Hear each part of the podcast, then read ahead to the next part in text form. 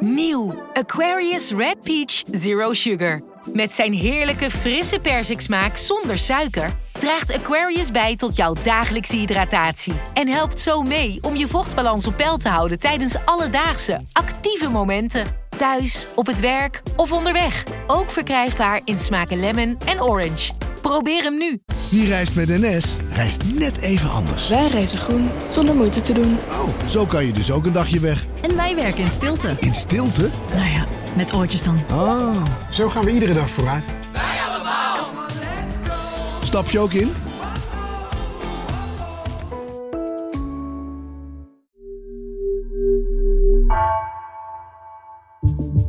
Vanaf de redactie van NRC het verhaal van vandaag. Mijn naam is Misha Melita.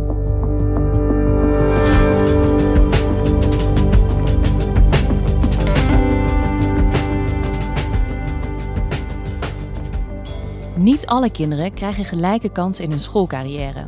En door de coronacrisis is dat verder versterkt. Hoe kan die kloof gedicht worden? Economisch en politiek redacteur Marieke Stellinga ging op bezoek bij een school in Dordrecht, waar de gemeente eigen middelen inzet om kansenongelijkheid aan te pakken. Moet de rest van Nederland daar een voorbeeld aan nemen?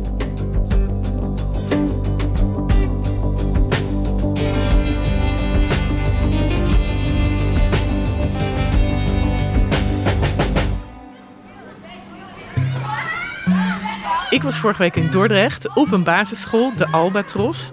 Ik kreeg daar een rondleiding van de directeur, Suzanne van Buurik. We hebben hier de uh, personeelskamer, annex bibliotheek, annex keuken.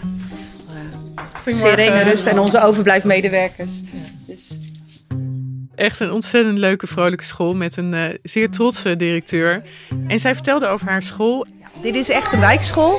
Uh, school in de wijk Wielwijk, achterstandswijk in Dordrecht.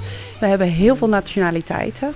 Um, en de, de, achtergrond van de kinderen is wel sociaal arm.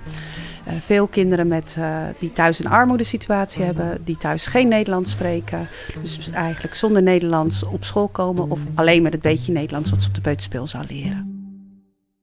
En waarom was jij in Dordrecht op deze school? Ja, ik was daar omdat de wethouder van Dordrecht, de wethouder van onderwijs, Peter Heikoop, een bijzonder plan heeft. Um, hij wil de komende tien jaar geld van de gemeente gaan investeren in het verminderen van kansenongelijkheid op die scholen. Ah, de wethouder. Ja. Hey. Hi, goedemorgen. Goedemorgen. Welkom, welkom. We waren daar ook met een directeur van een andere basisschool, de Regenboog. En dat zijn allebei basisscholen waar veel kinderen zitten die grote risico's lopen op achterstanden in het onderwijs. We hebben onwijs kansrijke kinderen die minder stimulerende thuisomstandigheden meekrijgen. En hoogopgeleide ouders of hoger opgeleide ouders dan groeien de kinderen vaak op in een talige omgeving. Die ouders investeren vaak zelf ook veel tijd in voorlezen of in bijlessen. En kinderen uit dit soort gezinnen, uh, nou ja, daar zijn dus de omstandigheden thuis zodanig dat het vooral op de kinderen zelf, maar ook op de school waar ze op zitten aankomt om ze stapjes vooruit te helpen en vooral om ze de taal beter te leren, ja. de Nederlandse taal.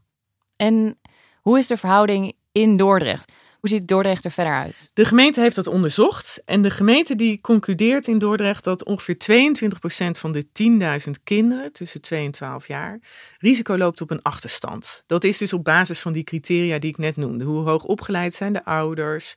Is er een migratieachtergrond? Zitten ouders in schuldsanering? Dus dat is vooral op basis van het gezin en de leefomstandigheden.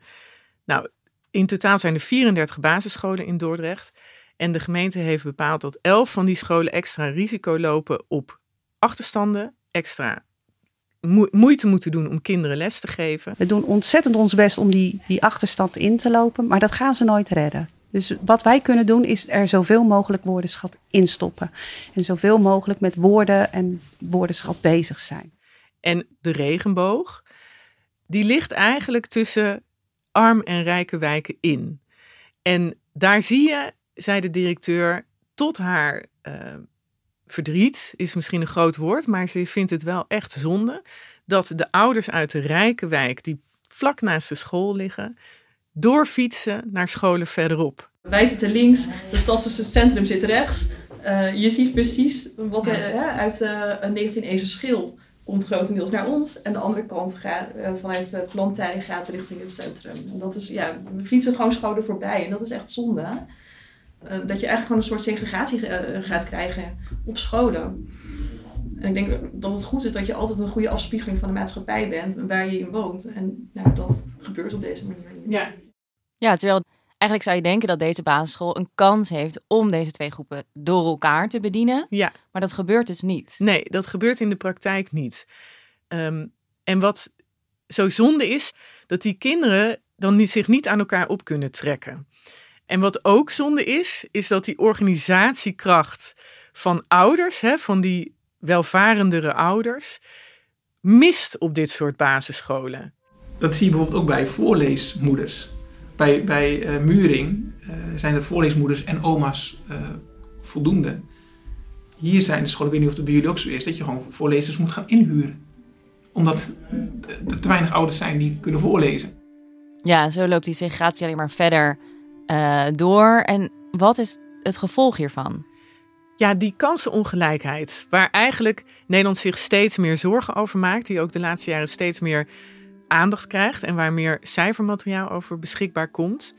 Um, een kind met hetzelfde IQ hè, op de ene en de andere school loopt eigenlijk steeds meer kans om een heel ander pad te lopen. Dus het maakt weer meer uit, zeggen veel deskundigen, in welk gezin je wordt geboren in Nederland.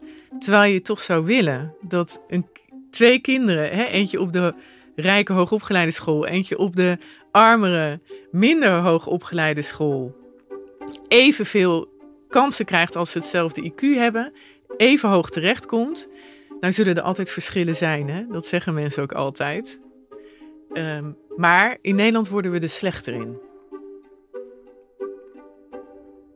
Maar Marieke, jij loopt rond op die basisschool in Dordrecht. Uh, maar jij bent geen onderwijsredacteur. Jij bent onze econoom en politiek verslaggever.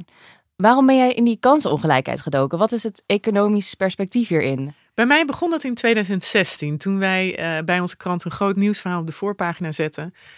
Waarin de onderwijsinspectie constateerde dat de kansenongelijkheid in Nederland toenam. Uh, en ik las dat en ik dacht, ja, dat kan toch niet waar zijn? Dat is echt, echt erg. Um, en de grap was, ik schreef er die week een column over. En andere kranten hebben ook economisch columnisten. Uh, Frank Kalshoven bij de Volkskrant, Matthijs Bouwman bij het Financiële Dagblad. En wij ontdekten dat op zaterdag we alle drie daar een column over hadden geschreven. Dus kennelijk is dit iets wat ook de econoom in ons raakte. Van, oh wat erg, dat moet je echt niet doen. En waarom is dat? Wat is dat, dat, dat? Waarom het economisch gezien erg is dat we meer kansenongelijkheid hebben? Ja, als je het puur economisch bekijkt, wat ik niet alleen doe, dan zie je dat je eigenlijk, het is zonde. Hè? Je haalt niet het potentieel uit mensen wat erin zit. Dus dan zijn we eigenlijk aan het verspillen. Daar komt nog bij dat Nederland slechter wordt in het leren lezen van kinderen. Inmiddels is bijna een kwart van de kinderen kan op 15-jarige leeftijd niet goed genoeg lezen om bijvoorbeeld een overheids-e-mail te begrijpen. Ja, en dat is natuurlijk echt een drama als je wil functioneren in onze maatschappij, waarin dat eigenlijk steeds belangrijker wordt om goed te kunnen lezen. Ja, dus economisch gezien is het eigenlijk zonde dat we niet uit kinderen halen wat erin zit. Absoluut. En jij volgt uh, kansenongelijkheid sinds 2016, sinds dit rapport. Is er iets verbeterd sindsdien? Nou, daar zijn geen aanwijzingen voor. Het is moeilijk te meten, hè, kansenongelijkheid. En er zijn ook onderzoeken die zeggen: het is groot, de ongelijkheid, maar het is niet toegenomen. Andere, veel andere onderzoeken zeggen dat het wel is toegenomen. Um, en dan is er nog iets heel bijzonders natuurlijk gebeurd de afgelopen jaren. De coronacrisis, waardoor scholen sloten. En daar is echt de consensus over dat het de kansenongelijkheid heeft vergroot. Want ja, als jij niet naar school kan en je zit in een omgeving waar geen Nederlands wordt gesproken, waar misschien niet eens een laptop is. En andere kinderen zitten in een hele talige omgeving met ouders die een paar laptops hebben en die jou wel kunnen helpen met je schoolwerk. Ja, dan is het natuurlijk logisch en voor de hand liggend dat die ongelijkheid alleen maar toeneemt. Dus ja, dat hier door die crisis echt wat vergroot is in achterstand, dat daar eh, lijken nu alle aanwijzingen voor. Maar in Dordrecht denken ze nu dat ze er misschien een oplossing voor hebben gevonden om die ongelijkheid wat te verminderen. We denken dat we met deze gerichte aanpak op deze elf scholen, dat we veel meer uit deze kinderen kunnen halen. En dat is goed voor de kinderen, voor de gezinnen, voor de buurt en uiteindelijk voor heel de stad. Wat, is, uh, wat heeft de wethouder bedacht? Ja, Dordrecht heeft iets bijzonders. Uh, de stad heeft aandelen in het energiebedrijf Eneco verkocht. Daar hebben ze 370 miljoen euro aan verdiend. Nou, dat kan je natuurlijk allemaal investeren in gebouwen. Maar uh, deze wethouder voor onderwijs die dacht van... we kunnen het ook investeren in kinderen op scholen. Um, en de komende tien jaar wil de gemeente 27,4 miljoen euro geven uh, aan deze elf basisscholen waar de kansenongelijkheid uh, groot is. En uh, zo eigenlijk extra lesgeven aan kinderen. Nou, de wethouder zegt zelf, dat is un redelijk uniek, want normaal gezien ja, gemeenten die gaan over de schoolgebouwen, die gaan over uh, peuterspeelzalen en hulp bij achterstanden daar. Maar echt direct investeren in het onderwijsaanbod of daar geld aan geven, dat is best bijzonder. En uh, ja, dat is dus een heel interessant experiment, zou je kunnen zeggen, uh, wat, daar, wat dat de komende tien jaar gaat opleveren. Want wat mogen zij doen met dat geld, met die 27,4 miljoen euro? Ja, zij, de scholen krijgen veel vrijheid om dat zelf uit te geven. Maar over het algemeen uh, lijken de scholen het uitgeven aan extra lestijd aan deze kinderen. En vooral extra taalles. En dat is belangrijk, want daar is de achterstand. Het gaat vooral over taal, rekenen. Dus echt de basisvaardigheden, die, die moeten omhoog. En daarmee wordt ook gezorgd dat, dat ze aansluiting vinden bij, uh, bij de rest van de stad. En het is ook belangrijk dat ouders erbij betrokken worden, want daar ligt vaak ook een deel van de sleutel om, uh, om kinderen meer kansen te bieden en de potentie eruit te halen die erin zit. En heb je daar al iets van gezien op die school waar jij was? Nou, toevallig toen ik er langs liep, was er een muziekles bezig. Muziekdocent die ook heel veel aandacht heeft voor de woordenschat.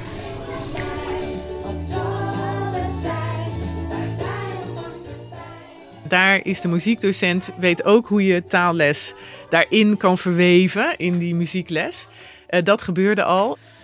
En met dat extra geld uh, willen ze bijvoorbeeld het allemaal gaan uitbreiden door ook met theaterles of op andere manieren die kinderen extra die taal mee te geven die ze krijgen. En wat ik ook leuk vond is dat de regenboog bijvoorbeeld, die gaat kinderen ook echt lesgeven in leren leren, zoals dat heet. Ik heb kinderen zelf op de middelbare school en elk kind moet dan leren leren. Hè? Hoe ga je plannen, hoe ga je huiswerk maken, hoe zorg je dat je niet verzuipt. Nou ja, dat gaan ze dan ook daar al extra aan die kinderen leren. Ja, dus in Dordrecht zijn allemaal creatieve plannen uh, op deze scholen die kans hebben op uh, meer kansongelijkheid. Maar het is een landelijk probleem, zei je al. Ja. Um, en ja, niet iedere gemeente heeft natuurlijk zo'n uh, lucratieve deal met Eneco kunnen sluiten. Nee, de wethouder is daar ook heel duidelijk over. Dit is eigenlijk iets wat hij vindt dat de Rijksoverheid zou moeten doen. Of daar extra geld voor beschikbaar zou moeten stellen op structurele schaal voor deze scholen. Um, en hij zegt ook van ja, want dit is ook een vorm van ongelijkheid. Dordrecht is een rijke stad. Wij hebben onze Eneco-aandelen goed kunnen verkopen. En we hebben gewoon gezegd van hop, we gaan hier gewoon tientallen miljoenen naartoe schuiven. De meeste steden kunnen dat helemaal niet doen. En eerlijk is eerlijk, wat wij nu doen, uh, en dat heb ik ook wel in, een, nou, dat heb ik in de gemeenteraad natuurlijk ook wel. Uh, um, ja, eigenlijk moet het ministerie van Onderwijs dit gewoon regelen. Ja. In essentie is dit natuurlijk. Uh, want je krijgt inderdaad verschillen nu tussen gemeenten. En we hadden het net al even over corona. En deze zomer uh, maakte de overheid bekend dat ze 8,5 miljard uit willen geven aan uh, scholen om te zorgen dat die kansongelijkheid weer wat wordt rechtgetrokken. Uh, dat is toch al een hele goede stap, lijkt mij.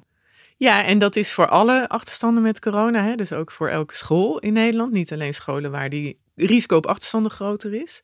Maar die 8,5 miljard uh, heeft ook perverse effecten. Daar heeft uh, mijn collega Patricia Veldhuis ook wel over geschreven. Het lerarentekort lijkt erdoor te worden vergroot voor sommige scholen.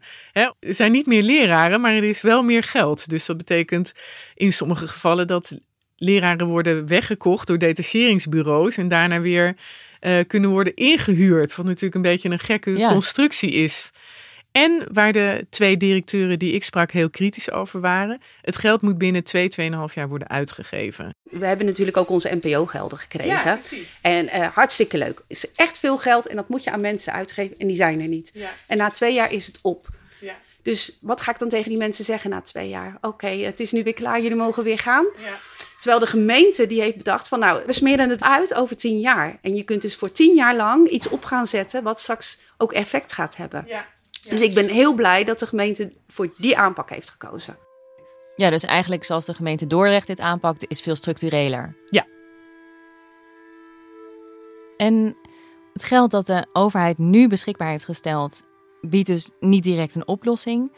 Maar hoe breng je die kansenongelijkheid dan wel structureel terug in Nederland? Ja, dat is natuurlijk ontzettend ingewikkeld.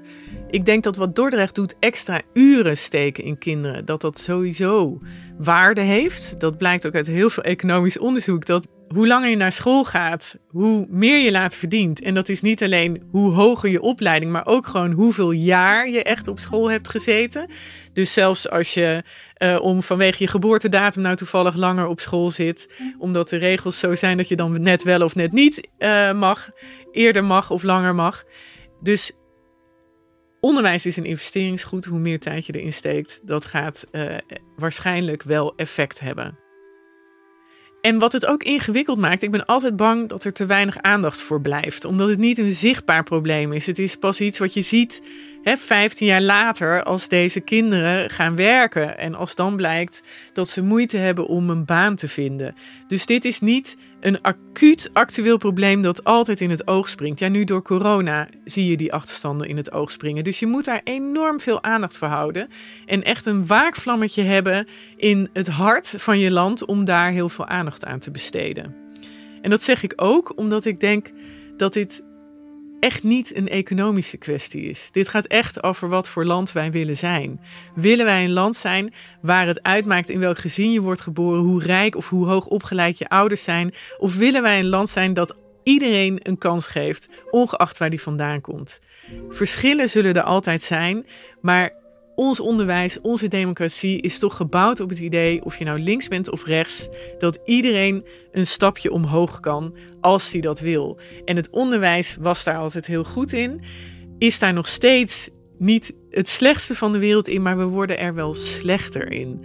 En daar zouden we echt alles aan moeten doen om dat te voorkomen.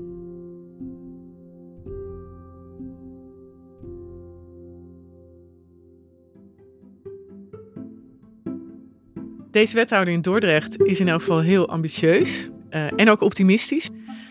Hij woont zelf in die wijk, welvarendere wijk, vlak naast de school waar we het over hebben gehad, de Regenboog. Waar veel ouders ziet hij uit zijn wijk langs fietsen om naar een andere school te gaan. Hij wil zijn eigen dochter, die nu bijna naar de kleuterschool gaat, daarheen sturen naar de regenboog. Um, en hij is ervan overtuigd dat andere ouders ook gaan zien hoe mooi die school is om hun kinderen daarheen te sturen. Dus een klein stapje richting minder segregatie in Dordrecht. Ja. Wij kiezen voor de regenboog. Ja, ja wij hebben onze dochter daar nu ingeschreven. En we, denken ook dat het gewoon echt. Want wij gaan, het is geen proefkonijn. Hè? Wij zijn er echt intrinsiek van overtuigd dat dit de juiste school voor haar is.